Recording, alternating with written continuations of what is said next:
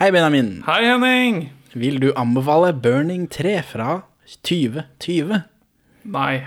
Henning, vil du anbefale Burning 3 fra 2020? Ja. What? Perla for svin. Velkommen til Perleforsvin, podkasten for deg som har 60 i IQ, men likevel har klart å ta førerkortet. Vi er to middelmådige menn i 30-åra som ser norske filmperler. Og i dag så har vi vært på kino Det har vi. og sett Burning 3. 2020 er det store kinoåret for den podkasten her. ja, faktisk. Eh, det var jo meninga vi skulle se denne filmen litt tidligere, var det ikke det? Det har vært eh, korona. Eh, har du hørt om kanskje, Benjamin, jeg, og du som lytter? Jeg har hørt noen, har hørt noen rykter. Ja, Den eh, har jo stukket noen kjepper i, i hjulene på Burning. Har den det? Ja, for det var jo meninga den skulle komme ut 12. august, og så skulle den komme ut 30. september, som vi liksom sikta oss inn på. Og så eh, kom den ut nå, da, 14. oktober, og da ble det litt sånn krøll i sendeskjemaet vårt. Så, fordi vi ville ha noe Burning-relatert ute til Burning 3. Men så kommer Halloween plutselig, når de har flytta den. For egentlig så skulle vi liksom høre, se Burning 3 og så ta det samme uka, mer eller mindre. Men, eh, men nå ble det sånn som det ble. Så er dere ikke glad for at dere får to episoder med Halloween før dere får eh, en kinoaktuell film, så vet ikke jeg. Altså Med den kampanjen som går foran filmen, så kommer jo denne til å være på kino kjempelenge. Så dette er jo en, et sånn felles prosjekt. ja, det var veldig sånn uh, Einar Gerhardsen-type landsfader. Takk for at dere uh, er modige og kommer dere ut på kino. Sprer ryktene og inviterer andre og får dette, dette hva var det begrepet han ja, støtter? Prosjektet Burning. For vi elsker å lage disse filmene til dere, og dere elsker oss. Hva er det vi refererer til nå, Benjamin? Nei, Etter man har sittet på kino og kost seg med 45 minutter med reklame, hvorav 10% er trailere til filmer. Ja, altså, ja, Vi kan ta det først. da At eh, de bla Nå har de begynt å blande trailere og reklame. Det er ikke vanlig. Før så så du masse masse reklame, og så fikk du tre trailere kanskje, og så var det film. Ja, nå... nå- er det trailer, reklame, trailer, reklame, film. Nei, det skjønner jeg ikke at de skal drive og ødelegge det òg. Ja, nei, det det, det, gjør, det hever ikke akkurat kinoopplevelsen. Nei. Men tilbake til denne forfilmen, da, som kom, kommer etter trailerreklame. Så Christer Andreas Bosmo nå, nå har jeg øvd, Benjamin. Det er Anders Baasmo Christiansen. Ja, for det er Christiansen. Men jeg så på teksten her at han har selv droppa Christiansen. Ja, det, Det sto bare Anders Baasmo, så tusen takk. Eh, Det er eh, noen episoder for sent. ja. Så, men han dukker opp eh, rett i kamera eh, på en regntung dag. Foran Lille Gul. Det stemmer. Denne Og- bilen, da. Og bare tusen takk for at dere bidrar til dette kulturelle Denne ideen om å bygge et større og sterkere Tyskland. Ja, han ser rett på meg. Det liker jeg ikke. Ja, Og det er ikke akkurat Tyskland som det skal bygges, da. Nei, nei, Men, eh, jeg, er, jeg, gjør en, pa- øh, jeg jeg prøver å gjøre satire på denne burning-folkebevegelsen. At Ja. Amcar Norge skal passe på at filmkameratene tjener penger, sånn at de kan lage flere burning-filmer? Spørsmålstegn? Spørsmålstegn, spørsmålstegn? Så først får vi Bosmo. Rett i kamera. Og så får vi Sven Nordin med, enda litt mer shabby klipp. Han står under en markise i et eller annet sentrumsstrøk. Ja, for de har jo gjort dette Det er tydelig at de har gjort dette i etterkant, nå etter dette koronagreiene. Men de har ikke fått manus. Det virker ikke sånn. Det virker som de bare Som om Jonem Jacobsen har dukket opp der med et kamera og sagt Kan ikke du fortelle hvor glad du er for at eh, du fortsatt har jobb? Ja, og hvor mye de har gleda seg til å dele mer burning med folk. Det var pussig. Eh, Ta, takk, da, for at dere ser meg, tenkte jeg. Som ja. går på kino i disse eh, hinnehåra dager. Men før vi begynner på filmen, Benjamin. Det har jo vært litt krongling før korona også, med denne Burning 3. Mykket. I 2018 så trekker Anders Baasmo seg fra filmen, og det meldes at han skal recastes. Yes. Han hevder eh, scheduling conflicts med en lang utenlandsk filminnspilling, også livet som småbarnsfar. Eh, men så i 2019 så er han med igjen, så det antar jeg at disse tidligere forpliktelsene løste seg. Og Og og jeg kan ikke si Jeg fant ikke noe utenlandsinnspilling på IMDb-en hans. Hvis ikke Snekker Andersen 2 er spilt inn i Tsjekkia, selvfølgelig. Det kan jo veldig fort hende. Ja, men da vet jeg ikke om jeg ville kalt det en utenlandsfilminnspilling, selv om det egentlig er det. Jeg vet ikke. I samme artikkel fra 2019 nevnes det at Jenny Skavlan fortsatt er med. Ja, så når vi først er inne på recasting For Jenny Skavlan sin karakter Het Sylvia? Det stemmer. Ja, så det er Jenny Skavlan. Det skal være Jenny Skavlan, ja. Eh, Jenny Skavlans siste film så var hun gravid, stakkars. Eh, og ble mannen som ble skrevet, skrevet om til henne. Så, så liksom, nå kan du være hjemme og føde, og så ordner vi dette uten deg. Og så eh, Så skal Jenny Skavlan skal jo føde omtrent samtidig som filminga på Burning 3 starter, med en annen unge. Og hun prioriterer visst det da over Burning 3, så hun har dette ut. Jeg tror noen har hatt en finger med i spillet. Ja, jeg, vi vi gjenbruker den, ja. Ja, tok jeg den forrige gang òg. Ja, og tomme tønner, tror jeg. Så det, det er tredje gangen, det. Men, eh, den, når han, eh, Anders Baasmo er småbarnsfar, så er jo det Det er jo barnet til Marie Blokhus, som ikke er med i denne filmen. Nei. For det har vi glemt, eller I de tidligere filmene så er Marie Blokhus med, og så har ikke vi nevnt at de to eh, på en måte traff hverandre på sett der, tror Jeg jeg. traff de For jeg var under inntrykk av at de var sammen fra før filminnspillinga. At det var en sånn that's the joke. At de spiller at de hater hverandre. Når jeg tenker Marie Blokhus, så tenker jeg på Frank Kjosås, for han ser ut som han er tolv. Jeg syns det er så rart at han er så ja, Han er i 40-åra eller noe sånt nå, men han ser ut som han er 13. Hmm. Men de For de var gift, nemlig. Eh, Og de skiller seg i 2016. Og hun får barn med Anders Baasmo i 2018. Men sånn er nå det, da. For vi har jo ikke nevnt det i det hele tatt, fordi jeg har bare oversett det.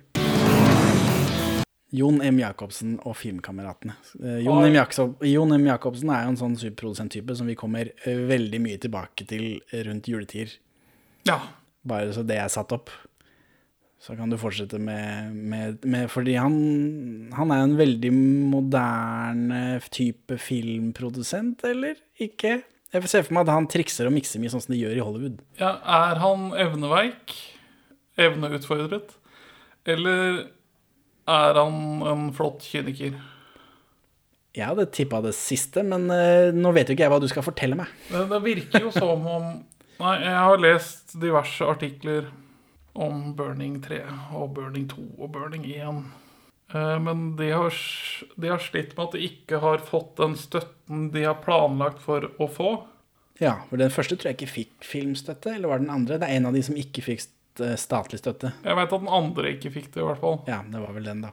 Og den, den går sånn drøyt 10 mill. minus.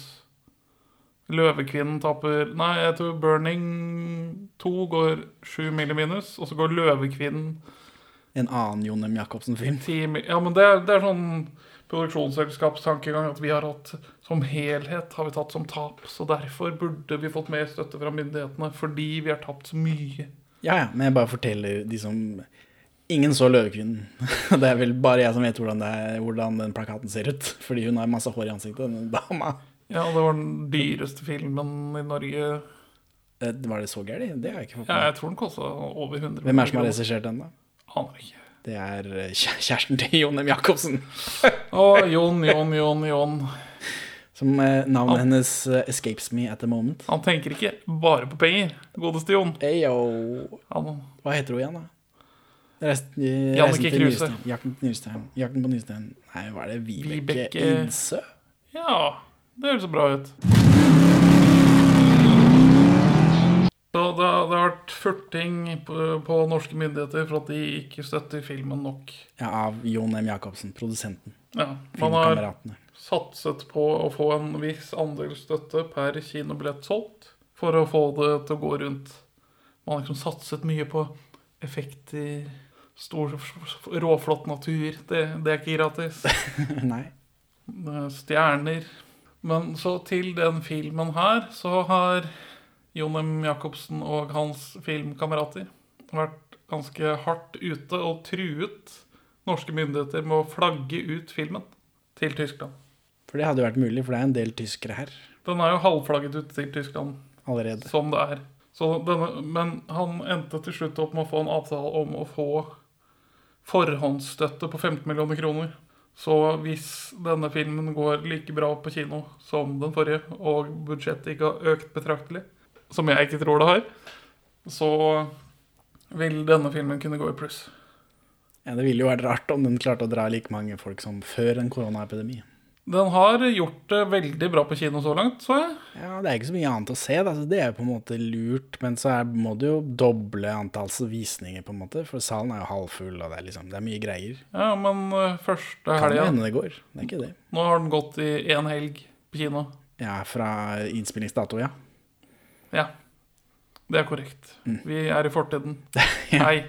Helt utrolig. Vi, vi pleier vanligvis å spille inn podkast fra framtida, men denne gangen Men på denne korte tiden så var det 143 209 kinogjengere som har vært og sett i koronatiden. Ja. Og gitt koronabegrensninger så var vi i en relativt full sal i Moss kino i dag. Ja da.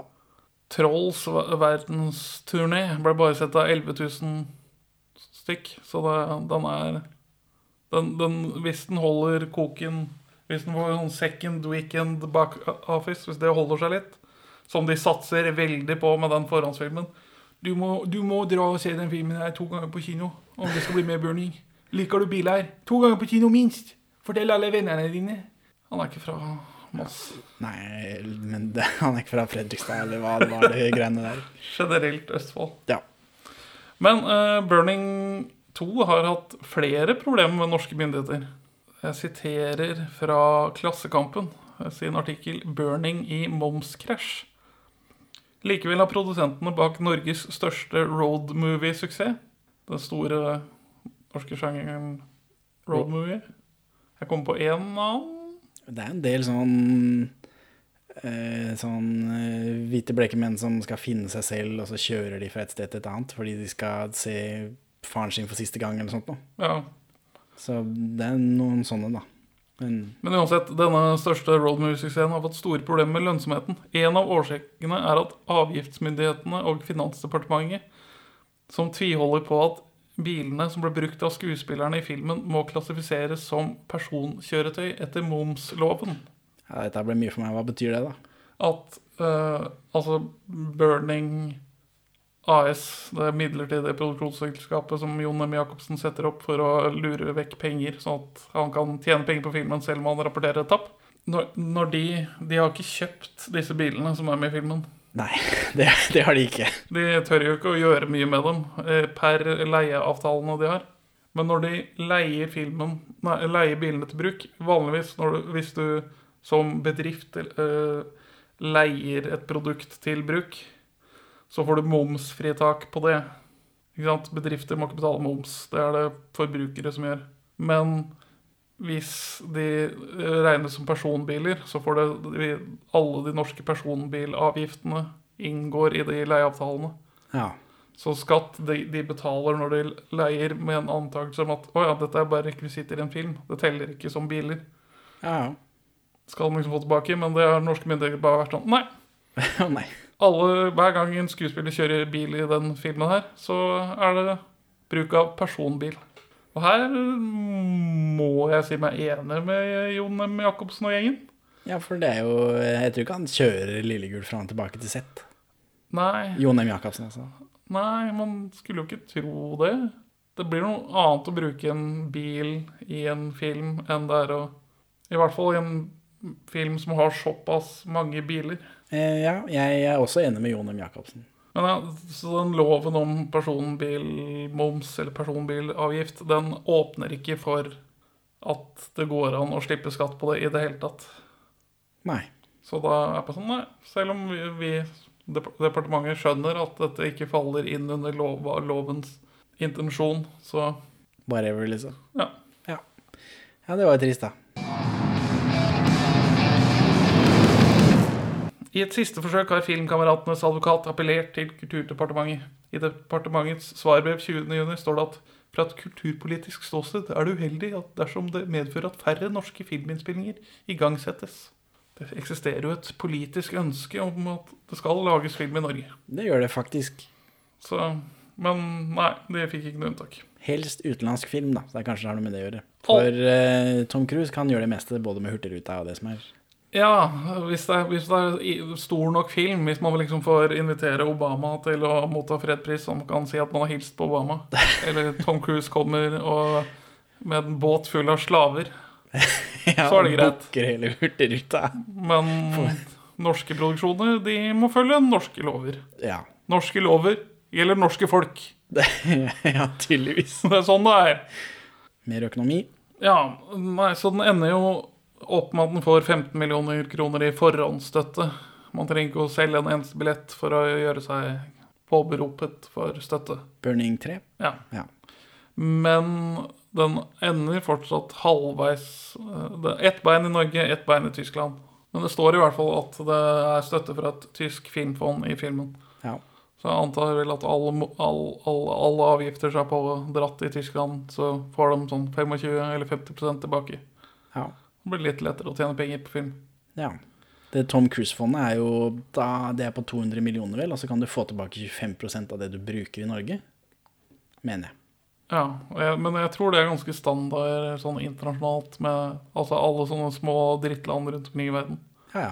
ja det kan hende. Det gjelder bare- å prøve å lokke til seg produksjoner, for selv om de får 25% av momsen tilbake, eller whatever, så Ja, for Tom Cruise brukte jo 200 millioner i Norge, og får tilbake da 50. Ja. Men så i den filmen her, kontra de to forrige, så foregår det noe rare greier. For filmen er òg tiltenkt et tysk publikum, slik jeg tolker det. Er du kjent med de tyske skuespillerne i filmen? Nei. Hei, Henning fra kjøkkenet her, eh, som nå er en byggeplass, så hvis det er litt bråk i bakgrunnen, så får det bare være. Som vanlig så gjør jeg research i etterkant av at vi har podda. Vi nevner en del svenske og tyske skuespillere som er med i filmen her, som blir introdusert som om de er noen vi burde kjenne igjen. Eh, Og så har jeg sjekka IMDb, og det viser seg at eh, de er ikke det. De er bare tilfeldige folk. Eh, De er med i en masse tilfeldige tyske produksjoner, stort sett. Med et hederlig unntak, nemlig Robin, den tyske dama, som er med i Rush, som vi nevner i denne podcasten, og Der Untergang. Nei. Men noen av de blir presentert som om de er noen. Ja, ikke sant? Dette er sånn Se, her får vi besøk av Rutger Lindhaugen. ja, eller Jeg så for meg at, eh, at eh, ah, hvis, jeg hadde liksom, hvis jeg hadde hatt peiling på bil, så hadde jeg kjent igjen disse. Ja, jeg tror det er både peiling på bil og på Tyskland. Altså, hvis du kjenner For det er noen av de som er tyske komikere eller en eller annen lærkledd tysk humortropp. Å, er det det der? Ja, det, det er sånn jeg leste de, at disse er kjent for et eller annet annet i Tyskland. Ja, nei, Den eneste tyske skuespilleren jeg kjenner, det er politihunden Rex. Og han er vel fra Østerrike.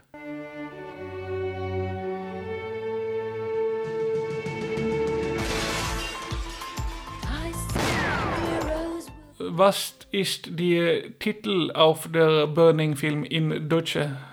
Die Burning. Nein. Willst du hören? Eh, jazz. Mach schnell, Max schnell. Max Schnell. Nei, vent nå litt. Asfaltbøning. Das Rennen um den Ring. Ja, Så det det, virker som det er et eller annet forsøk på å prøve å få den til å treffe et tysk marked. Gitt det store antallet små tyske cameos. for disse Burning-filmene er produsert i et eget firma som Jon M. Jacobsen er sjef i. Ja. Ja, for Det syns jeg er interessant, for det har jeg ikke hørt at norsk film gjør, men de gjør det selvfølgelig. Jo, det har vi sett Det har vi diskutert på tidligere filmer. Beklager. Det var, eller, vi, vi har nevnt det, men vi har ikke diskutert det. da. På den uh, tomme tønner. Den er jo også på et eget produksjonsselskap. Eh, ja, produksjonsselskap, ja. Ja. Men det hørtes ut som dette var et sånn aksjefirma som de hadde satt opp. Det er ikke, Burning er ikke produsert av Burning Produksjon, er det det? Jo, det var noe sånn tullball. Ja. Eller, de, de reklamerer først med Jon M. Jacobsen, Filmkameratene AS. Ja, altså Jon M. Jacobsen har topp billing i den filmen her. Men sånn som med Tomme tønner, så er det da også lagd av eh, Tappeluft. Men det er også av Tomme tønner AS. Ja, Som jeg mistenker at er en sånn klassisk sånn ja, vi, vi lager denne filmen siden vi er et eget selskap. Oi! Moderselskapet sa at vi måtte betale regning til de for tjenesten de har gjort. Oi, det koster 600 000 å leie en printer fra moderselskapet. Ja, jøsse navn. Det koster akkurat overskuddet vårt, gitt. Det var dumt. Så det mistenker jo at det er noe slikt ute og går her. Jeg ser for øvrig at eh, budsjettet har vokst like mye for hver film. Den første eh, filmen kostet 40 millioner kroner å lage. Og så 50 millioner. Og så 60 millioner for denne. Yes. Hvor er det pengene går? Det er alle disse tyskerne, da.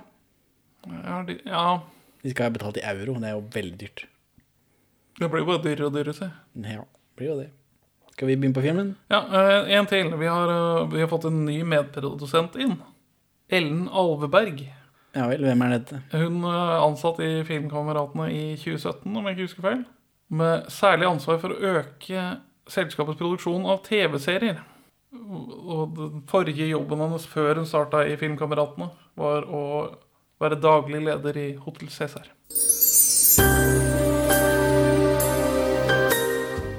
Heyo. Så hvis det er én ting som kan heve kvaliteten på Burning-filmene dine, så er det å få en sjefen til Hotel Cæsar. Ja, altså Vi snakker jo mye dritt om Hotel Cæsar, selvfølgelig, fordi det er ikke vår type serie. Men for en skole der for hele, liksom, hele den norske filmindustrien. For en skole det var. For der pumpa de ut fem episoder i uka, liksom. Og det du lærer der sånn tart, tart, tart. Altså Hvis du pusher inn noen kaster penger på en som har gått fem år på Hotel Cæsar, hvem vet hva som kan skje? Ja, hva er, det, hva, hva er det man liksom får øvd opp av Hotell Cæsar? Jeg vet ikke, at du får veldig mye erfaring veldig fort. RIP Hotel Cæsar. Et siste poeng. Jon M. Jacobsen mener at det er strømming som gjør at norsk filmbransje ikke tjener penger lenger. Jaha. Det er blitt så vanskelig å kjøpe DVD-er, Ja. siden man nesten ikke får kjøpt det noe sted. Nei vel. Men han Dette er filmer han kan selge på bensinstasjonen. Det er det. Sammen med Heidi Hauges kassetter. Men når, um, når Jon M. er ute i Dagens Næringsliv og pusher filmen, så jeg tror sitatet her er fra han. Vi får et gjensyn med de kjente og kjære karakterene fra de foregående filmene, og blir introdusert fra, for kjente navn fra Sverige, Danmark og Tyskland i de andre rollene. Kjente navn. Kjente navn. Anhauf Winter, Yin Eben, Über Unter, Force Vision. Men ja, skal vi starte på filmen, da? La oss gjøre det. Etter at uh, Anders Båsmo og Sven Nordin har sett oss i øynene og introdusert og sagt tusen takk for at dere gidder å møte opp på kino. Og Gjør det gjerne flere ganger. Ja. Og si det til alle venner, så de også må møte opp. Og Bosmo sier at han brenner for prosjektet og syns det er så fint. Eh, Han nevner ikke det at han droppa ut i 2018. Eh, Så begynner filmen med, midt i en bryllupsfest. Nei, det er jo ikke en bryllupsfest. Det er ikke sånn bryllupsfester fungerer. Det er en pre-bryllupsfest. Det er et Det er en fest. felles utdrikningslag slash fest. Ja, det er det kanskje det For man har ikke en fest før et bryllup. Man gifter seg, og så har man fest. Vet ikke Dagen før så kidnapper kompisen din deg, liksom henretter deg i skauen. Og så Det gjorde de i forrige film. da kidnapper de Anders Båsmo. Ja. Det hadde hengt mye med på grep. Ja. Men denne eh, utdrikningsfesten, da. Her eh, benytter de anledning til å bare eh, rive gjennom en masse folk som har vært med i de andre filmene. Ja. som vi ikke skal se igjen i denne filmen. Og noen av, noen av karakterene tar vi òg og børster litt under teppet. Lite grann. Bitte, bitte litt. Eh, Nå husker jeg ikke hva han heter engang. jeg. Eh, Stig Henrik et eller annet. Han eh, Ja, fra Død snø og Kurt Vagle og alt det greiene der. Var han fortsatt Shell-kollega Nei, det er derfor han ikke har på seg noe Shell-klær. For Shell sponser ikke den filmen der lenger. Nei, nei, det er sant. Vi har Men tapt bud... Uh, Budrunden. Esso dukker opp. Ja, nå er det, dette er en Esso-film. Er jeg. Ja, men han er der, og Geir Skau er der. Ja. ja han er der. Ja, for det, det er en som heter Boccia Geir Ja, Boccia-Geir. Geir Skau spiller Boccia-Geir Ja. av en eller annen grunn. Hvorfor han heter det, vet ikke. Jeg husker det fra de forrige at det var noe At jeg lurte på meg selv hvorfor noen heter Boccia For er ikke det sånn kulespill? Jo, det er sikkert en bil som heter det også. Helt sikkert en bil som heter det. Ferrari Boccia For eksempel. Og så blir vi introdusert for eh, babyen til Anders Båsmo, som heter Shelby. Er det en bilgreie? Det er et bilmerke. Ja, men Det, det er litt peiling har jeg. Fått det fra far din, si. Eh, ja. Eller fra film. Mest sannsynlig film. So the great Carol Shelby is going to build a car to beat Ferrari. with a Ford. Correct. Når finner dette sted i tid? For den første filmen, den eh, 2014 selvfølgelig, og så sitter han inne i to år, nøyaktig den samme tida det tar å lage en ny film. Og nå har vi hoppa ni måneder frem i tid. Hvor gammel er den ungen? Du som har- Den ungen er mellom 12 og 18 måneder. Ja, så det er ett år, halvannet frem i tid. Ja, det er sånn Ikke-foreldre bruker gjerne år som betegnelse. Men frem til ungen er fem, så teller man måneder. Ja vel. Nina. Den andre datteren, ordentlige datteren, holdt jeg på å si. Den andre datteren. Den datteren som vi har møtt, og som på en måte har en personlighet. Som har, eh, som har dialog. Hun er også der. Men hun er Ida Husebøy, Huseby, noe sånt noe. Hun, skuespilleren er jo 20 blitt, fra 14 i den første filmen. 2019. Så hun er jo mye eldre, da. Til, det er et stort sprang fra 16 til 20 som hun er nå. Dette er bare flisespikking. Ø- trakk ikke filmen noe ned. Ja, men At hun har forandra seg, er nå én ting. Men Jenny Skavlan har i hvert fall forandra seg. Ja, Jenny Skavlan, det, den, den fødselen må ha vært hard. Nei, den var ikke, hvis vi ikke ser det i filmen. Det gikk jo helt greit. Ja, For hun er bytta ut med et helt annet menneske som ikke har navnet på. Ja. Fordi hun jeg aldri sett før. Hun så litt kjent ut, men Her og nå. Jeg vet ikke. Og hun blir ikke introdusert på noen annen måte enn at dette er Jenny Skavlan. På en måte. Nå har de bytta skuespiller. Jeg trenger å gjenintroduseres for denne personen. Nei, De prøver bare å vise Se, her er partneren til den karakteren du husker. Ja. Og, så, og så går vi over til noe annet, sånn at vi bare skal si Ja, det var partneren hans.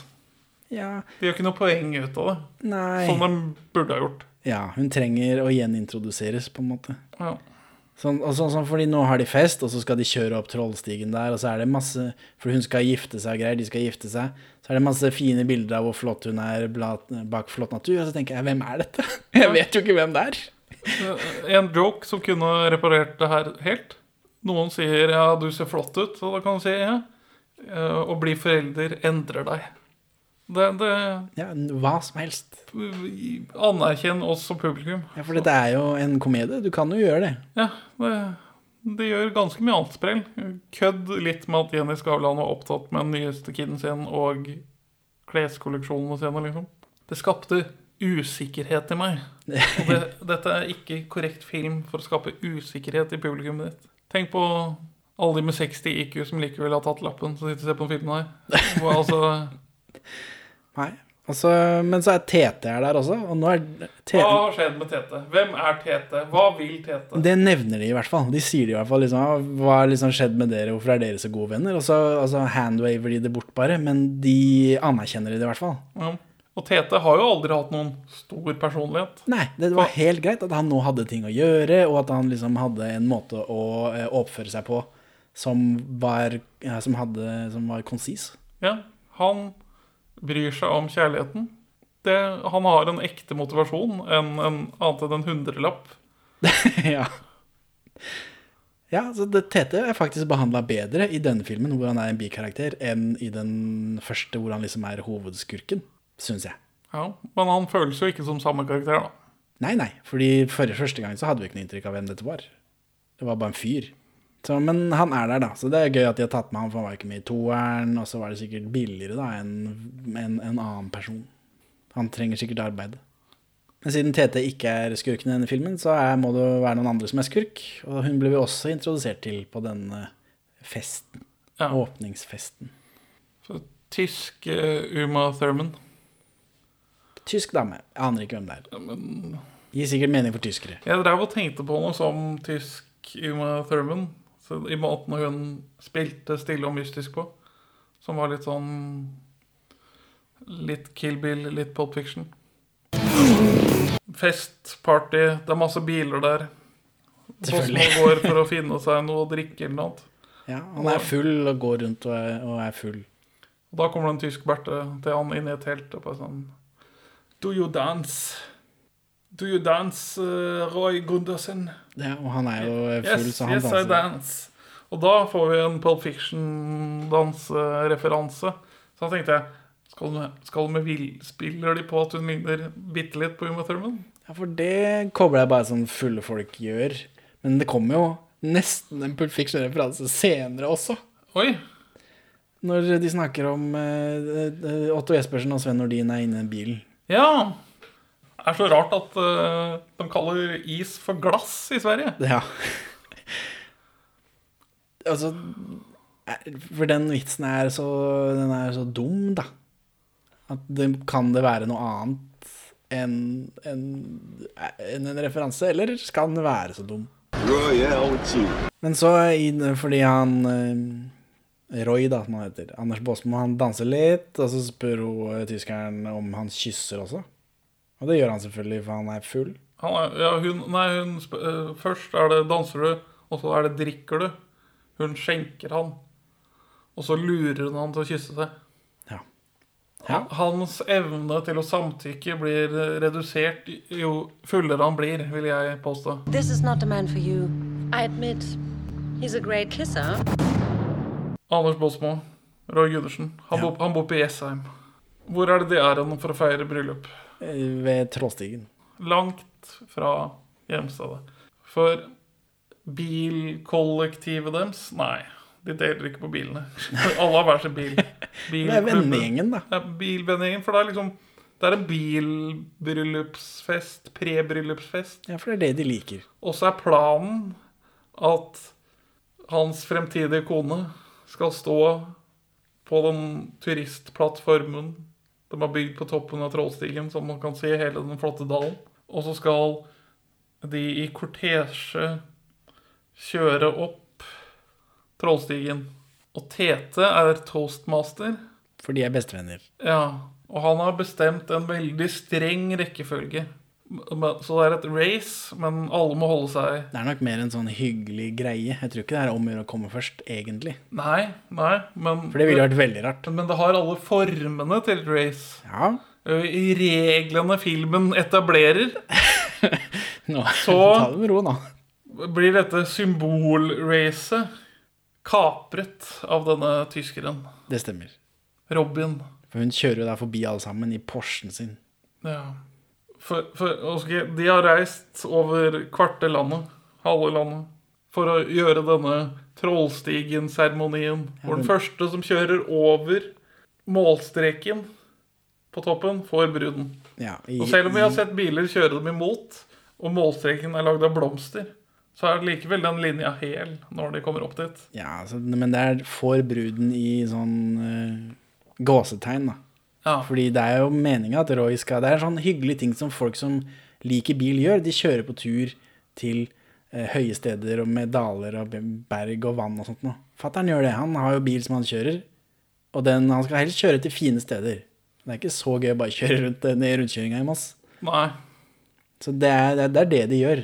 Og så blir det litt sånn kapra av hun da. Men det er ikke noe automatikk i at hun gifta seg med hun andre likevel. Det var jo noe var- annet som ødelegger. Nei, nei, nei, nei. Men altså, film, altså I filmen så er det en automatikk i det. Ikke Reglene er etablert. Nei, det kom jo fram det Hadde ikke vært for dette det, overgrepet Hadde ikke vært for at eh, Roy klina med hun eh, tyskeren tidligere. Det er jo det som gjør at hun blir forbanna og drar. Ja, Ja. Men Hvis, hvis, hvis, denne, eh, hvis hun tyskeren hadde kjørt opp, og så, og så kommer, kommer hun fram og sier Ha, ich bin eh, vinner. Eh, nå, må jeg liksom, nå er brura mi. Så sier jo Sylvia bare eh, Nei, eh, det, var, det er veldig dumt av deg å, å ødelegge bryllupsdagen min. Kan ikke du dra din vei? Men så kommer dette kyssegreiene opp istedenfor den samtalen som jeg akkurat har fabulert. Ja, men hun blir jo med på å sette seg i bilen til Ja, men det er jo fordi hun blir forbanna på Roy. Ja, det vet jeg, men hun etter, det, det, Ikke forbanna på Roy fordi han tapte i gåsetegn racet. Karakteren har ikke fri vilje. Hun er, gitt måten filmen fortelles på, bundet til avtalen som er gjort ved å etablere et race. Altså, hvis det ikke Altså, det blir jo et race. Han risikerer jo livet sitt for å likevel komme først. Filmen forteller oss at reglene som har blitt satt, Ja, men- gjelder. Men det er jo fordi han allerede, allerede vet at dette er en som er up to no good. For de har jo eh, hatt denne eh, Han har jo vært full da og prata med henne og sussa litt på, og så ser de hverandre gjennom dette og tenker han, her er det noe lureri. Og så er det jo sånn Han har det i blodet, ikke sant. Han elsker å kjøre bil. De liker å kjøre fort, og da blir det sånn konkurranse ut av det. Men det er jo ikke noe automatikk at hvis at når hun kommer på toppen, så da er det hun som skal gifte seg med, med Sylvia, ikke Roy. Ifølge filmen er det det. Uenig. Du tar feil. Du tar feil. Hvorfor tar er. Sylvia dritnervøs på slutten når det ser ut som det skal gå dårlig for Roy? Hvorfor ser hun kjempestressa ut og nervøs ut på det er jo en halvannen time etterpå. Ja, ja, ja. Ja, da, for da har denne dårlige, dårlige filmen eh, endret eh, fasong. Nei, at filmen etablerer reglene, og det er at tulleløp bestemmer skjebnene til karakterene.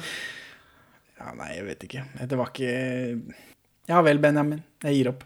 Fint. Ja. Takk. Du tar feil. Nei. Førstemann til toppen for brura! Hvem er det som skal vie disse? Det er Are Sende Osen Ja. som holder helt kjeft. ja. Jeg har notert her før, vi, før jeg gikk på kino, så jeg har notert Jeg håper det blir masse Klaus Sonstad. Ja. Ikke noe Klaus Sonstad. Én Are Ode, Are Sende Osen. ja. Så det var rart. I et sånt pek til det religionsprogrammet han hadde på NRK, tror jeg. Siden han spiller prest. På tro og are. Ja. Eh, Jeg vet ikke hva det var, jeg. Men jeg, synes, jeg trodde kanskje det Ja, Klaus Sonstad var jo med den forrige, så jeg antok at det var, hadde noe med det å gjøre, kanskje. Eh, Jeg ble skuffa når ikke han dukka opp flere ganger, i hvert fall. Nei, det var toerens høydepunkt. Ja, Det hadde vært så morsomt om de bare fortsetter med det. At det var masse Klaus Sonstad rundt omkring. Men, Men- det kan vi ikke tenke på Vi må, vi må ta med to ting fra Trollstigen. Ja, Og Tete blir presset av veien. ja. Hvordan, hvordan løser man det? Man løser det bare ved at den bilen svinger ut av kamera. Ja. Og så en lydeffekt eh, som de har uh, tatt på internett, tror jeg. Sånn som jeg pleier å gjøre. Men så viser de en overraskende bra propp av bilen som står i fossen. Ja, det var, det var en, så ut som det var en ekte rekvisitt. Ja, At det var en plastbil de har liksom tatt fra hverandre og, og ødelagt. det var jo fint. Det er mer enn vi er vant til å se i disse filmene. Ja. Men i denne Når racet pågår. Ja, så presser denne Porschen til Robin Roy sånn opp på steinautovernet. hvordan hvordan syns du det går, går for filmen? Eh, de får jo vist fram eh, eh, noen av de flotte dataanimasjonene sine. Her. Det er første gang vi ser disse flotte dataanimasjonene i filmen eh, i den sekvensen her. Og det, det er jo gjennomgående i, ja, i denne filmen, for her er det ganske mye av det. Og i de andre filmene, eh, for der er det riktignok mindre av det, men her var det veldig mye. Disse animatørene de har ikke sett biler før, og jeg tror ikke de har opplevd tyngdekraft heller. Nei. For de animerer i hvert fall som om ikke de vet hva det er. Hva biler eller tyngdekraft er for noe. Nei det, Eller dekk senere i filmen. det er en veldig sånn bilbanefølelse. Ja, At de går på skinner. Det virker som altså, det, Jeg syns det hakker litt. Ikke akkurat eller her også, men sånn over hele. Hver gang det er en dataanimerte biler, så syns jeg det har de animert annenhver rute. Eller hver tredje rute. Altså, film går 24 bilder i sekundet, gjør det ikke det? Ja. Vanligvis når man animerer, så bruker man 12 eh, tegnefilmer og sånt nå. Har de, har de animert seks ruter i sekundet? Det, det ser ikke bra ut. Det ser helt forferdelig Det, ut. det, det, det, det står så ut av skjermen. Og det gjorde det i den første. Så jeg vet ikke om animasjonskvaliteten bare har stått på stedet hvil, men det ser dårligere ut enn noen gang. Det kan òg være at vi ser det på Storskjerm. For første gang, men vi har vært, øh, så vi det på DVD, eller? Er Blu-ray. Jeg, jeg, Ja. stiller opp med For Jon M. Jacobsen sin skyld så har jeg kjøpt Burning 1 og 2 på Blu-ray. Ja, bare Med ekte penger. ekte penger. Mm. Så nei, det, det Jeg lo ganske mye, tror jeg. Ja, altså, det var helt bananas. Og så- men eh, som sagt, det er mye mer av det her enn, de, enn i de andre, så stikker det i hvert fall ut. For de andre så kunne du liksom se det, og så kunne du glemme det litt. Men her er det så mye at det er helt umulig. Men ja, hvem er Robin? Eh, Robin er Sylvias tidligere samboer eh, fra hun bodde i Tyskland. Ja. Som vi aldri har hørt om før, selvfølgelig, men, eh, men sånn er det i disse filmene. Og angående by erasure, så gjør, gjøres det aldri helt tydelig om de var Det sies aldri direkte at de var kjærester. Nei, det Det blir nevnt som samboer. Ja, altså, I min verden så er det da man sover i samme senga. Ja. Ja, men da, da er det liksom eh, jeg- noe annet. Men jeg opplevde det som rart at det aldri ble sagt helt direkte. Jeg opplevde det som ikke så verst, jeg. Ja. Sånn, det er en, en senere scene her hvor de kliner litt, og så kysser Anders Baasmo Otto Jespersen. Og ingen av de reagerer som om det var rart eller pussig. Eh, Otto Jespersen har en, en, en humorkommentar, men det er ikke Det spiller ikke på at de to er menn, eller at det er rart når menn kysser, eller at eh, Og og det er ingen som sier 'wow, se så lesbete de er', eller det er liksom Det er ikke noe sånn. Det bare skjer. Det var jo hyggelig. Ja. Eh, Og mer enn jeg egentlig forventer av norsk film. Ja, Eh, Av humor, norsk humorfilm. Så eh, jeg syns det, det var gøy, at de bare lar det forbigå i stillhet, liksom. Sånn er det bare. Du er ikke enig, eller? Nei, det, det føltes litt sånn øh, At de tok det litt under teppet at hun hadde levd i synd tidligere. Ja, nei, jeg syns ikke det, men, Men eh, du har, du har jo veldig rett i at uh, Otto Jespersen sin kommentar om at han har ikke fått et så flott kyss på over 30 år. han har ikke blitt kyssa sånn på 30 år, tror jeg han sier. Men det er måten han leverer på som sier at det, var- at det var et lidenskapelig og flott kyss. Ja, eller at han syntes det var helt greit. Og, så, og når han sier 'kyssa sånn', så kan jo det være av hvem som helst. Det må ikke være 'jeg har ikke blitt kyssa av en gutt på 30 år', det er ikke det han sier. på en måte. Så det syns jeg var morsomt. Ja, jeg, jeg, Eller ja, jeg hyggelig. det som hvem som helst. At Ja. det hadde ikke noe å si. Good luck, of.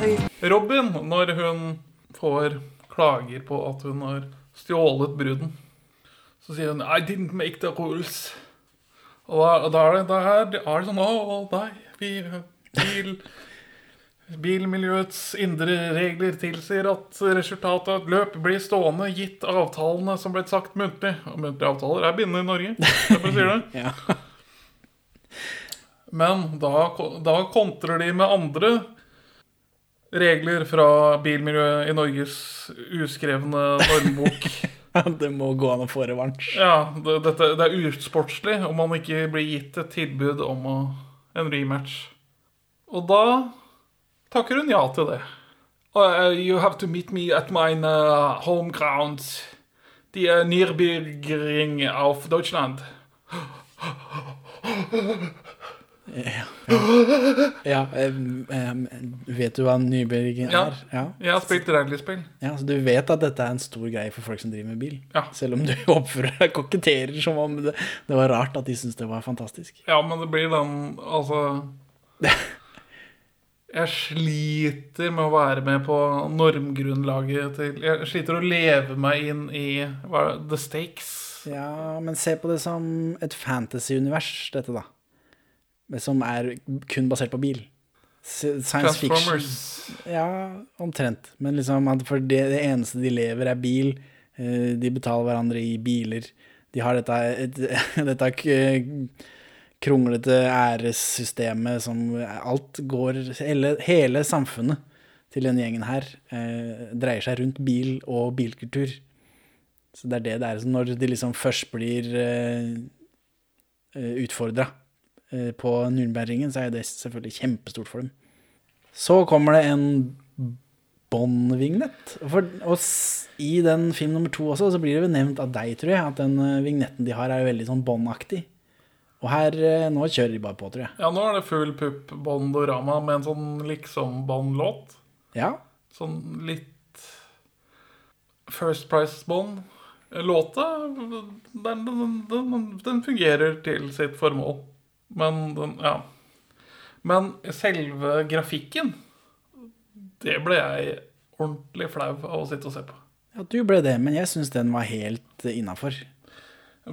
For eh, denne bilen For det er en bil da som blir satt sammen i slow motion, liksom. Den bilen svever i lufta på en måte. Jeg føler ikke jeg har Det er ikke noen referanserammer i bildet som gjør at den ser fake ut, og den står stille, som er veldig viktig for eh, ting i den filmen her, når, hvis det skal se ekte ut, er at det ikke beveger seg, for det ser helt fucka ut når det gjør det. Men det er, for det er bare elementer som går sakte sammen. Ja. Og jeg synes, hadde ikke noe noe å påpeke på det. Det starter med små deler, og så trekker de ut i hele bildet at den liksom blir sausa. Men jeg har sett lignende bli gjort i en del spill, og jeg har sett det i andre filmer. Og det er en ting som er veldig typisk hvis man skal kjøre en sånn her type ekstremt stilisert 3D-intro, er at du må betale en fyr for å gjøre det veldig lenge, for å bare finpusse det til det ser sånn tåpelig bra ut. Det har de ikke gjort her. Jeg, jeg fikk veldig sånn PlayStation 3-grafikk-vib. Men det kan være at det er mitt, mitt mer trente øye. Eller syns jeg at PlayStation 3-grafikk er helt greit når det er en, in, en sånn vignett, på en måte, uten, uten ekte elementer. Jeg tar ting veldig gamle menn sier for 200 kroner. I'm getting married right now. Sylvia og Robin er på vei til Tyskland. Roy må jo da følge etter på, i løpet av tre dager. Ja, Det virker ikke som det er noe problem. I motsetning til de to andre filmene, så er ikke denne filmen en racefilm. For i de andre filmene så, er, så møtes de på begynnelsen og sier vi, nå skal vi derfra til dit, klar for det, gå. Pjong! Og så har de dårlig tid, men så, fordi det er en film, så kan de gjøre masse sånn krumspring på sida, og så ender de allikevel opp sammen på målstreken. Mens denne filmen er en road-film, en road-movie, men med eh, flere race, ja. som blir oppbrutt av er det tre race. Så alle filmene deler å ha tåpelig plott til felles, mens den her kanskje nyter godt av å ha ved å ikke ha det sånn ticking clock til enhver tid, og dermed kunne pace seg litt bedre. De slipper på en måte det tidspresset som De andre filmene har jo hatt dette tidspresset, samtidig som de vil gjøre morsomme ting, i gåsetegn.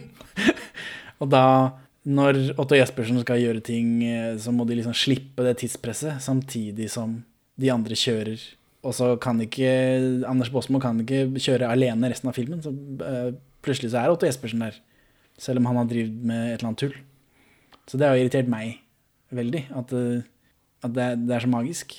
Ja, det er en del magi i den filmen her òg, men Ja, det er det, men, men det, det henger på en måte sammen. Det, henger, det sitter i bilen. Bilen er magisk, ikke tid. Ja. Nei, nei, nei, nei, hør her nå, folkens. Altså, det må jo bli omkamp. Ok, rematch on my home ground. Men de driver iallfall og mekker på denne Lillegul, da. Eh, mens de snakker om at ah, du må komme deg til Nürnberg, alt dette greiene der. Nå sier jeg Nürnberg, men det er ikke det det heter. Nei, for, for jeg, når jeg spilte uh, Nürnberg Ring uh, på PlayStation 1 rallyspill, så trodde jeg det het Nürnberg Ring. Det heter Nürburgring. Nürburg, ikke Nürberg, som jeg drev og sagt. Nei. Ja, det er sier det sjøl, ja. Men det får, det får alle bilfansa våre bare leve med. Eh, Vi beklager selvfølgelig. Det er ikke det. Men de driver og mekker og skrur på den bilen fordi det er sånn man gjør når man driver med bil, tror jeg. Og så blir Otto Jespersen blir avbrutt. Han får ikke skrudd inn båndpluggen. Noen kommer med mekke. Ja, og gratulerer til Burning 3, som har Som kan si det båndpluggen er den eneste bildelen jeg vet hva er. Jeg vet ikke om det er flere med meg som ikke har peiling på bil, men som vet hva en båndplugg er. Jeg har skifta olje en gang i Ja, livet ikke sant? Det er jo perfekt bruk eh, av Når du først har en bil som, eller har en film som skal nå ut til det brede lag og drive med bilgreier. Det, var riktig del. Senere så er det noen andre greier. Noen Ja, er pakninger og noe greier. Ja, det, er- det var litt mer abstrakt. Nå var jeg sånn Finner de på noe? Er det sånn Ja, er dette ekte? Er litt ekte Men ja, det er bomplugg. Det er poeng for den. Nina, Ja. hans datter, Roys datter. ja. Eh, Spilt av Ida et eller annet på H. Hva hennes Hun hadde en karakter i første filmen med at hun var sånn ballsy, ville være med Ja, og så er hun et plottpoeng i tillegg i den første.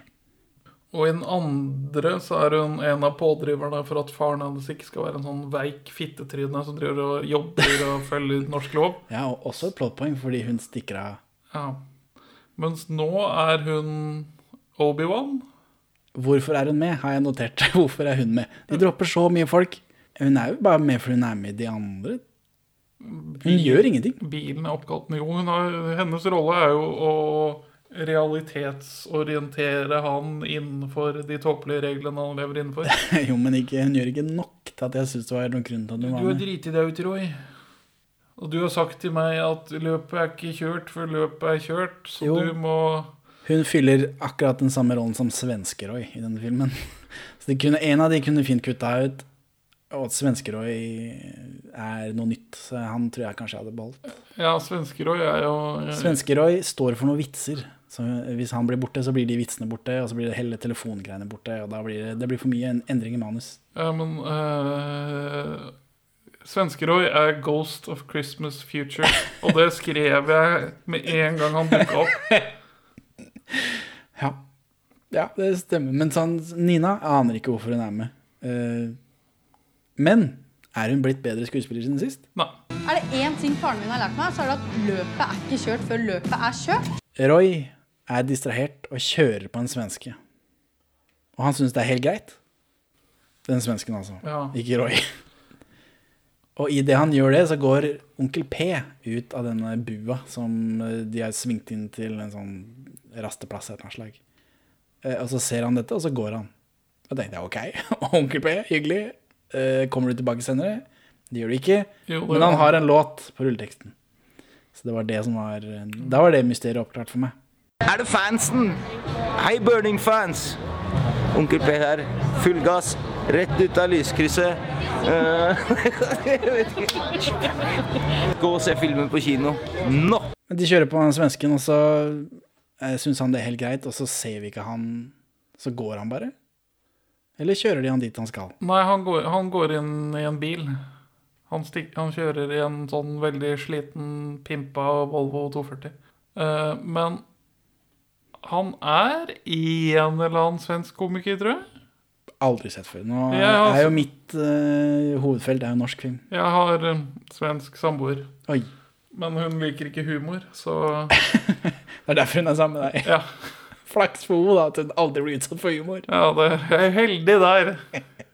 Um, så jeg, jeg føler jeg har sett han noe sted, men ikke noe som jeg kan liksom si Å jo, det er jo Hasse Bengtsson.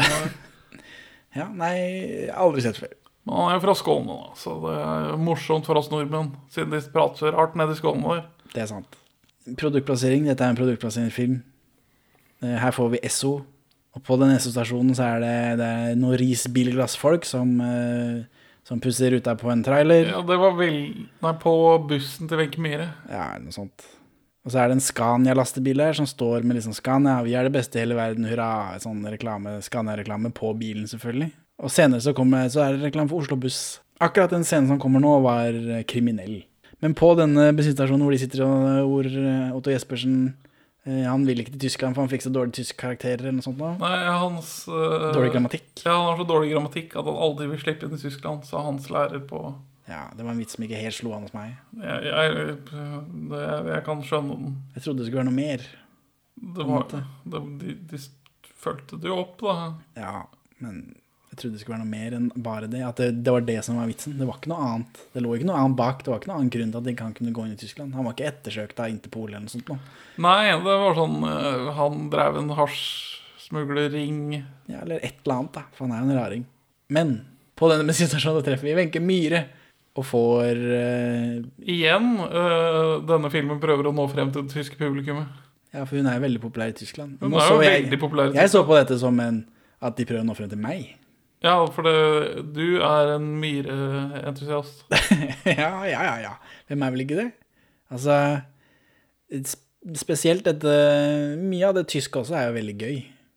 Det er jo svinger, vet du. Og, og hun den, eh, den eh, låta som hun deltar i Melodi Grand Prix med for eh, Øst-Tyskland, er også Hæ? Hæ?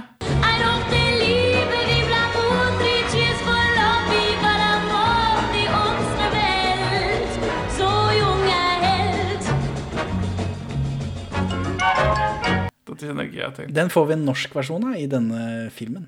Si ja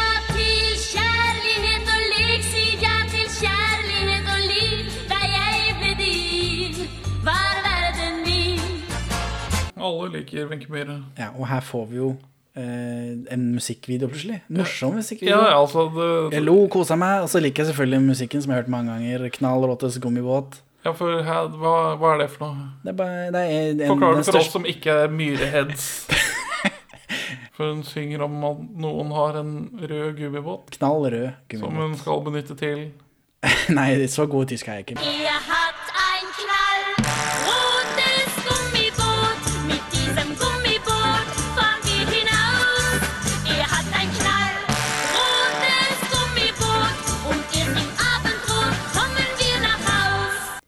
Ass. For Han kvinnfolk. stjeler alle scenene hun er med i. Ja, absolutt. Og i hvert fall denne veldig morsomme musikkvideoen.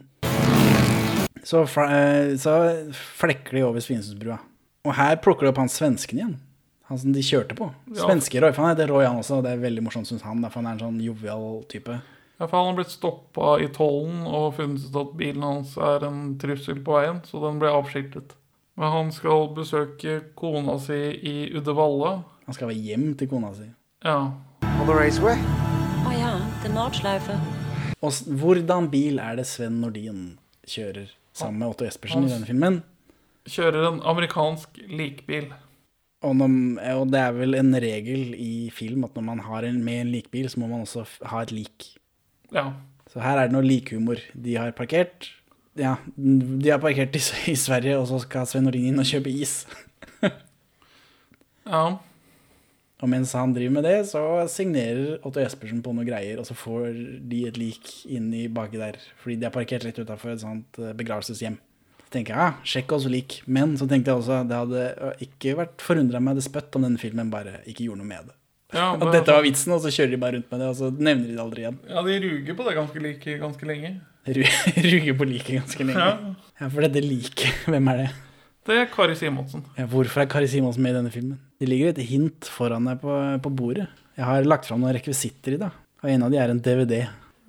Spiller hun i, spiller hun i Flåklypa? Om hun gjør Hun er jo Solan. Er det hun som er Solan? Så det er bilreferanse at hun er med? Det er det, håper jeg. Ja, okay. Jeg, jeg håper det er såpass gjennomtenkt at det er en Flåklypa-referanse. My Norwegian friends, I'm Swedish. Nå, her får vi den glassekvensen. Og i salen da så hører jeg et barn til høyre for meg på Moss kino si Oi, det, det ser ut som de er i Lillestrøm. Så tenker jeg bare De er vel i Sverige og filmer. Men jaggu så kjører de inn til Jeg husker ikke om det var Uddevalla-besøket eller Malmö. Det var Uddevalla. Ja. Og da er de jaggu i Lillestrøm. Ja, for det er en veldig lite overbevisende svensk dame som kjefter. Ja, hun har eh, kjempebra liksom-svenska. Å, jeg er jettesur. Erg på deg, mener jeg. ja, Nei, det var Malmö, men det har ikke noe å si for denne podkasten. Nei, nei, men det er filma i Lillestrøm. Ja, ja. Jeg har bodd ti år i Lillestrøm. Altså, de hadde et svenskt flagg ute. Ja. Så for å markere at nå er vi i Sverige på ordentlig, dere. Du, kan vi ikke gi oss nå? Latterlig å drive og kjøre omkamp på de greiene her. Roy treffer Sylvia på en bensinstasjon, og da kommer han frem og så sier han at det er latterlig å drive med det å kjøre om kapp og sånt. Og så tenkte jeg ja, det er helt riktig. Ja, enig. Bra, Roy. Morsomt at de snakker at Burning tar seg tid Burning 3 tar seg tid til å snakke til oss som har sett Burning 1 og 2, og som egentlig ikke er så interessert i bil. Det er fint du står opp til den strenge sosiale kontrollen som foregår innad i bilmiljøet. Og her får vi den der kyssegreia, da, fordi jo Sylvia er irritert på, eh, på Roy fordi han eh, kyssa med, med Robin, og så sier hun var det et sånt kyss? Eller var det et sånt et? Og så kysser de tilbake, og så var det helt greit, ikke noe problem. Alle fornøyde. Eh, Overraskende, overraskende bra. Så er de ute og kjører bil igjen, og tyskeren eh, ringer Lemmy. Ja. En fyr de tydeligvis kjenner fra før av. Hun og Sylvia, høres det ut som. Ja. Så liksom, vi må ta Roy litt, for, ja, må- for en dust han er. Ja, han må, han har fått en lærepenge. La oss introdusere han for Lemmy. Jeg bare Lemmy. Det er et navn som ringer en eller annen. ja, mm, hvor kan det komme fra? Og så vil jeg ha en sånn eh, Filmens geografi. Du snakka litt om magi, at folk trenger å være på forskjellige steder. At de møter Sylvia tilfeldigvis på bensinstasjonen. Og han får ikke møte ungen sin, som hun for, for, for så vidt har kidnappet. Jeg også satt i bilen mens begge de to voksne går inn på bensinstasjonen. Jeg vet ikke, Nå har ikke jeg barn, så jeg vet ikke reglene på det. Jeg ville unngått å gjøre det. Ja, Som far har jeg ikke gjort det. Nei, da vet vi det. For det altså, reagerte jeg på, men tenkte jeg, jeg har ikke barn, det er sikkert sånn man gjør det. det altså Folk som har barn, de er, er jo så vant med barn at de tåler alt, at de, kan liksom, de klarer seg selv hele tiden. Tenkte jeg. Ja. Men filmens geografi Sylvia bare er der hun trenger å være. Ok, greit nok. Men det er bare den ene gangen. Nei. De treffer hverandre ikke flere ganger. Nei, det gjør de ikke. Men det er andre ganger folk dukker opp sånn som det skal være. Altså, når hun sier ja, vi må introdusere han for Lemmy, så er plutselig eh, Bosmo-gjengen i en eller annen tysk by, og så kjører Lemmy inn rett foran dem. Og det er bare sånn, ja, ok. Det, da har de jo kjørt dit. Da. Ja, ja, jeg skjønner Det er jo det, greit. men det, det, er- det er litt, litt svakt fortalt. Du savner et Danmark-sekvens. er det det? Ja. For Danmark bare hopper det over. Som man, som man gjør til Danmark. Danmark skal ikke nevnes. Det skal bare hoppes rett over. Ja, det blir forkast okkupanten. Ja, det er litt pussig at, vi- at vi ser de kjøre over den, der, den lange broa, og så er de i Tyskland. Men, ja, for det, er rett fra å kjøre over broa til grensa til Tyskland. Og greit, jeg veit Danmark er flatt, og, og det er veldig, likt lite. overalt. Ja. Du dundrer bare gjennom. Hvem er Lemmy, da? Lemmy er en tysk skuespiller som har skjegg og hår som Lemmy Killmeister? Killmister? Mr. Kill? Mr. Gill. Ja, det er det foreldrene hans kalte han, tror jeg. Han er lederen i en tysk bilgjeng i Hamburg. Skinnbilgjeng. Når de først dukker opp, så er det jo en, eh, en kvinne som liker kvinner som har ringt dem, og så dukker de opp i sånn skinngreier, så tenkte jeg aha, er dette noe er, Blir det noe sånn Blue Oyster Club-humor nå fra politiskolen? Sånn eh, skinnhomsehumor? Blir det noe det, skinnhomsehumor nå? Ja, det lukta veldig skinnende. frykta jeg. Men, men det var det ikke. Nei, det er bare en tysk skinnbilgjeng. Synes det er veldig mm, overraskende at de bare At de lar den lavthengende frukten bare ligge. Men han, han Og bra, da. Lemmy han har to lakeier som spiller litt sånn lærlakeier. Ja, men han har jo noen veldig lettkledde kvinner også. Ja. Ubehagelig lettkledd kvinne, egentlig. Lemmy, hva gjør Lemmy, da? Hva, hvorfor blir vi møtt med Lemmy her?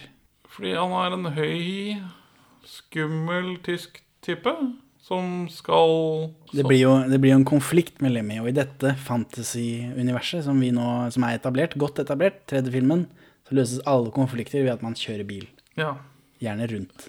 Eller fra et til et annet. Hva, hva kjører man bil om?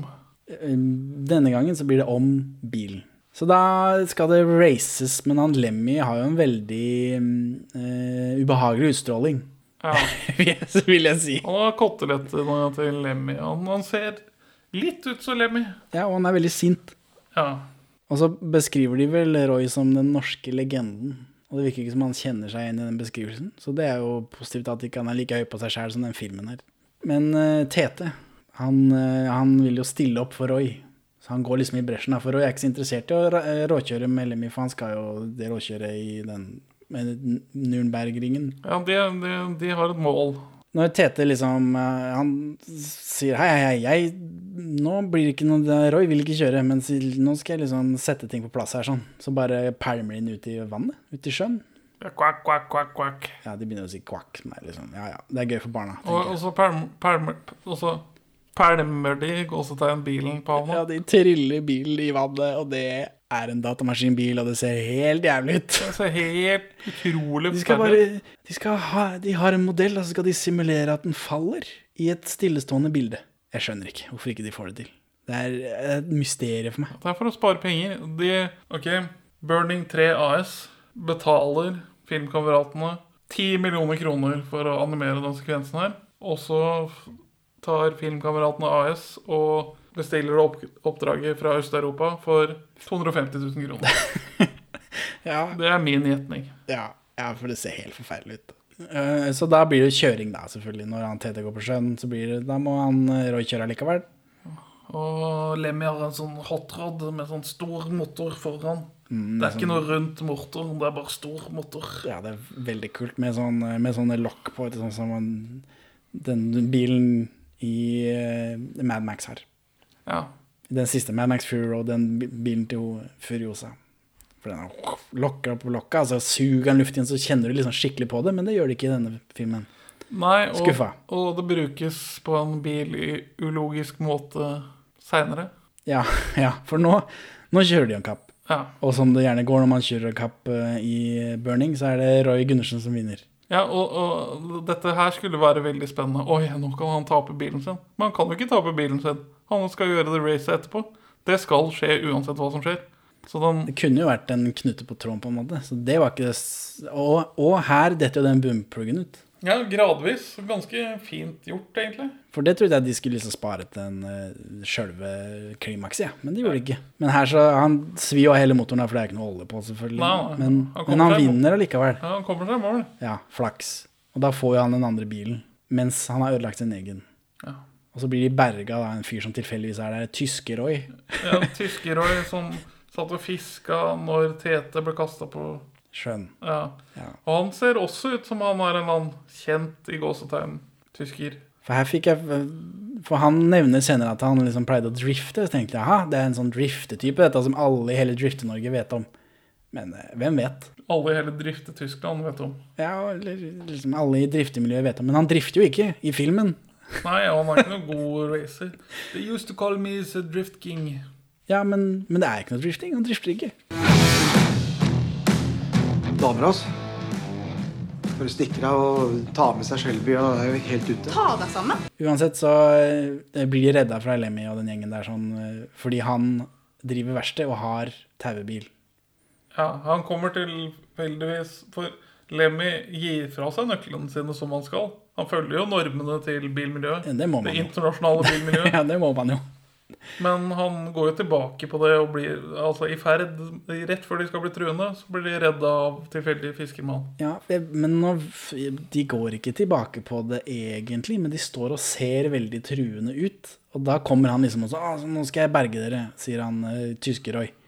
Eller 'Kom, jeg redder dere, bli med her'. Så de får ikke sjansen til å si mm, 'Jeg angrer meg'. Jeg tror det æresystemet til internasjonale bilmiljøet Jeg tror ikke det er noe for meg. De kommer aldri så langt. De gjør jo det seinere. Senere, ja. Han vil ha tilbake bilen, men da må du selvfølgelig race for det. Og det er jo det er allerede etablert. Ja, det, er det vi gjør. Det er noe vi gjør. Ja, Det er usportlig å ikke tilby rematch. Ja. Men siden de har brent denne motoren, så må de ha en ny motor. Så da tar de motoren til bilen til Lemmy og putter inn i lille gul. Yes, let's make the insane version of your car. Ja, det er selvfølgelig veldig vanskelig og tungvint og sikkert supertøft. For det er sånn man gjør på film, man må ha litt konflikt. Men den bilen har jo allerede vist at den er ikke like kjapp som Anders Båsmo sin. Og så tar de ut motoren av den og putter inn den andre bilen. Og så feirer det som nå blir den bilen, mye raskere. Han vant jo ikke med verdens største margin, da, så det, Nei, men jeg syns det var pussig. det er definitivt raskere enn ingen motor. Det, det er det.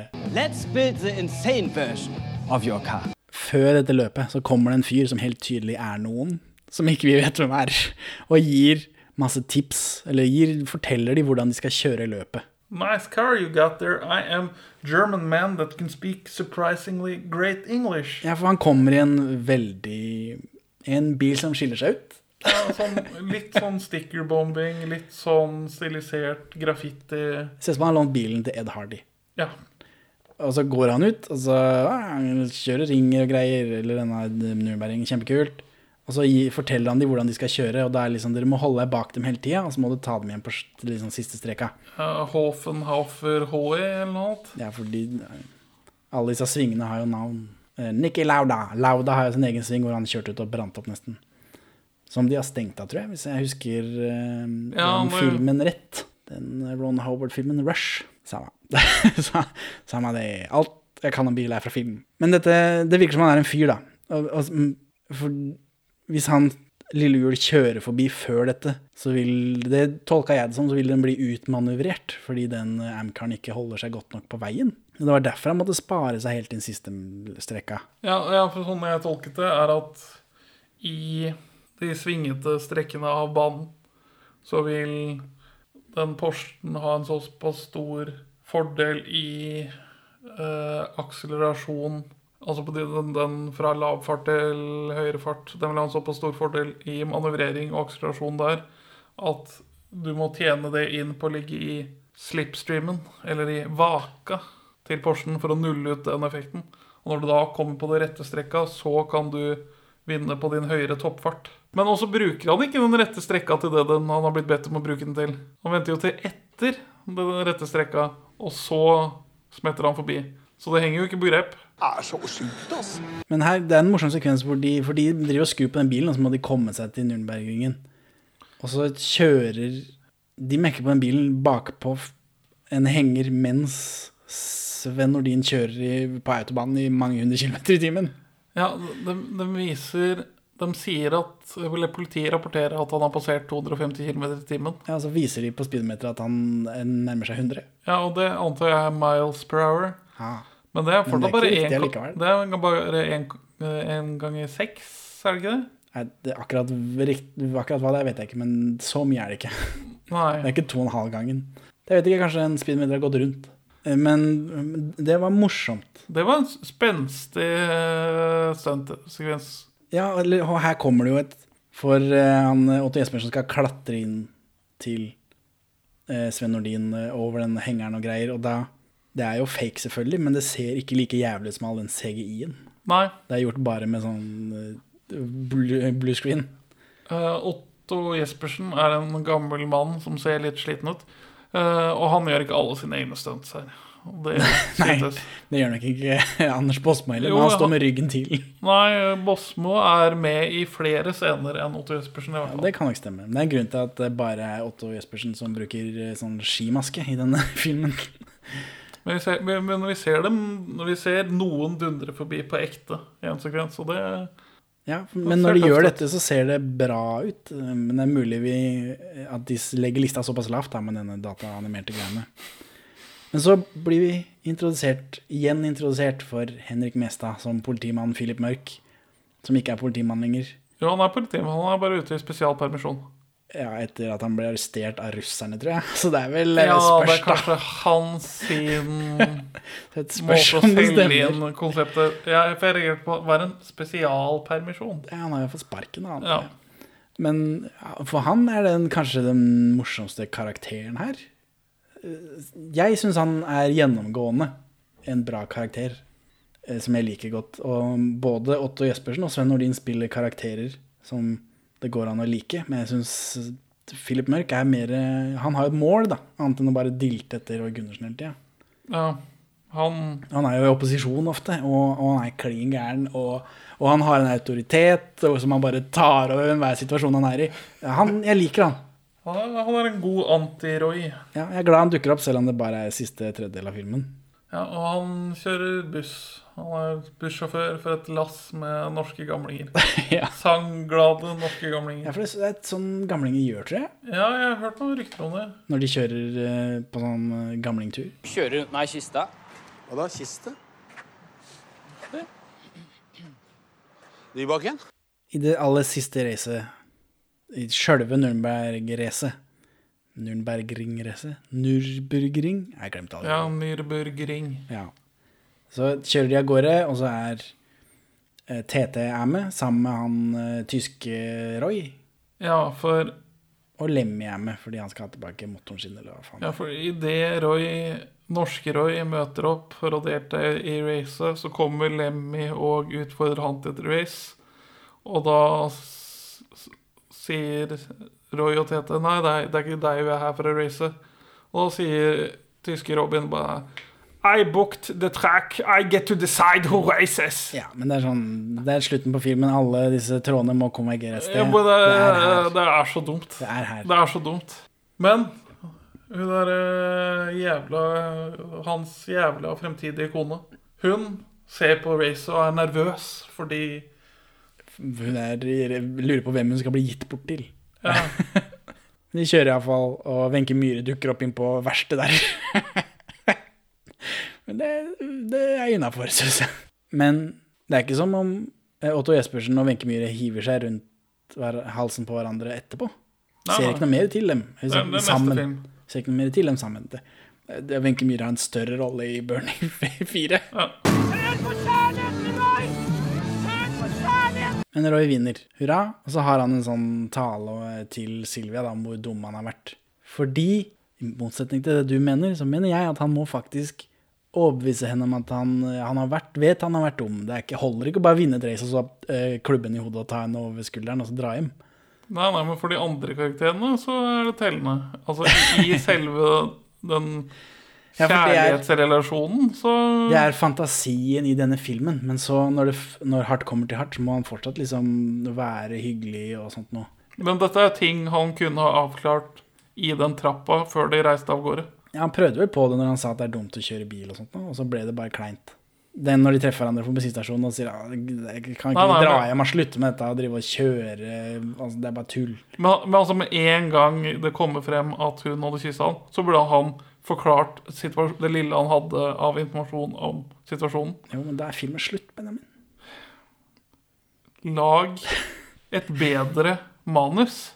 Vi skal nå bistå tysk politi i jakten på en kjent norsk kriminell. Philip Mørk skal også konvergere til Ja. denne bilbanen i sin buss. Som han har konvertert til en politibuss. Setter lys på taket. Full av gamlinger. Og da får vi en Apokalypse nå-referanse. Ja, jeg, han sier på tysk 'Jeg elsker lukten av gummi om morgenen'. Mens disse gamlingene synger Va- Valkyriens ritt. Ja, det, Som de ikke gjorde nok med. Jeg synes de skulle gønna på med gamlingene i miksen der.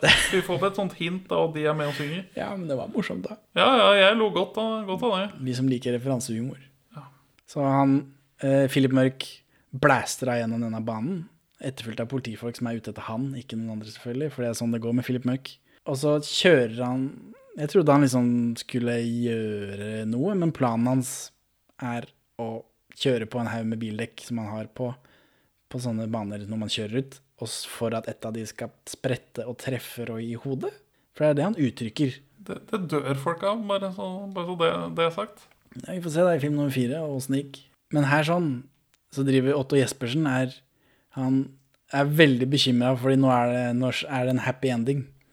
Og han går bakover, og han får dårlige følelser. Jeg, jeg blir veldig stressa av øyeblikk som det her. ja, fordi de to gangene det har vært sånn øyeblikk, så har han fått gjennomgå. Veldig, veldig god vits. Dette ler jeg godt av. Ja, så kommer dette dekket i grusom CGI. Ja, flau CGI. Ja, det er flaut. Og så, mens Sven Nordin prøver å fortelle Otto Jespersen at det er ikke noe farlig, hva er det du er bekymra for, liksom, samtidig så måtte Jespersen stadig liksom uttrykke bekymring og går bakover ut i veibanen. Og så får Sven Nordin det dekket i trynet. Kjempegøy. Filmslutt. Og det, det var bra. Det likte jeg at de liksom snudde på den. Så Benjamin, hvorfor vil ikke du anbefale Burning 3? For det er en dårlig film. Altså, hvis du vil se et vehicle for biler, helt topp. Hvis du vil se en film, dritt.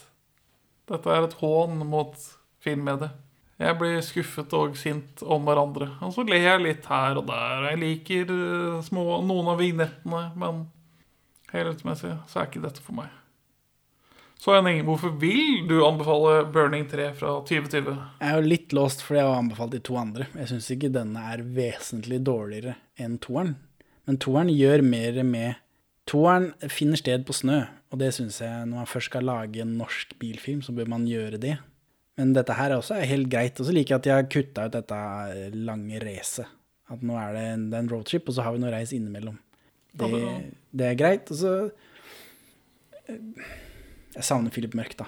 Det skal jeg det, Ja, jeg Det trodde jeg han si. skulle introduseres tidligere. Men jeg er, jeg er gjennomgående underholdt. Jeg får ikke gjort noe med det. Og det CGI-en er helt utrolig dårlig, men jeg ler jo. Det er jo latter på en måte. det, altså, eh, men for filmens målgruppe, tror du CGI-en er morsom? Virka det som de merka det, da? De som satt rundt oss? Nei. Jeg tror ikke de bet seg merke i det. Ja, nei, jeg er fortsatt underholdt av Burning-filmene, og det, der ligger lista mi for norsk film etter å ha starta den podkasten her. Så Jeg, jeg, jeg er delvis underholdt, men jeg ønsker meg mer manus, dramaturgi, karakterer. Og bilder. Ja, nei, bildene var overraskende gode i den her, syns jeg. Jeg syns de hadde gått litt opp. Vi får flere nærbilder av personer i emosjonelle situasjoner. Altså, og de gjør det sprellet med den musikkvideoen til Wenche Myhre, som var sånn teit kornete, men samtidig såpass stilisert og dratt så langt med Otto Jespersen i den røde robåten at det gikk ikke an å ikke kose seg da. Men når du ser på Wenche Myhre, så går det ikke an å ikke kose seg. Nei, det er sant. Ha det bra, Benjamin. Ha det bra, Henning.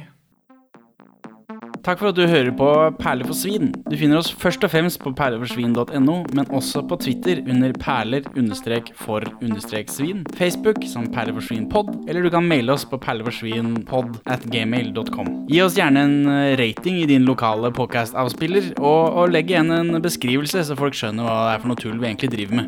Her er ukas Pål Bang-Hansen-sitat ute av kontekst. Ute på kroasetten igjen. Her er det skandinavisk fest på terrassen. Fritt oversatt 'Hurra for kjærligheten' eller 'Ein Hochter Liebe'. Jankowski går under navnet Herr Glad Musikk i Tyskland, så vi får høre. Wenche har med seg tre Dutois-jenter som i likhet med de foregående spanske synger La La La. For å erte Franco synger de med katalensk uttale. Wenche Myhre med spanskinspirert organdikjole i gul, gul sånn uh, påskekylling gullfarve. I morgen er det forresten påske.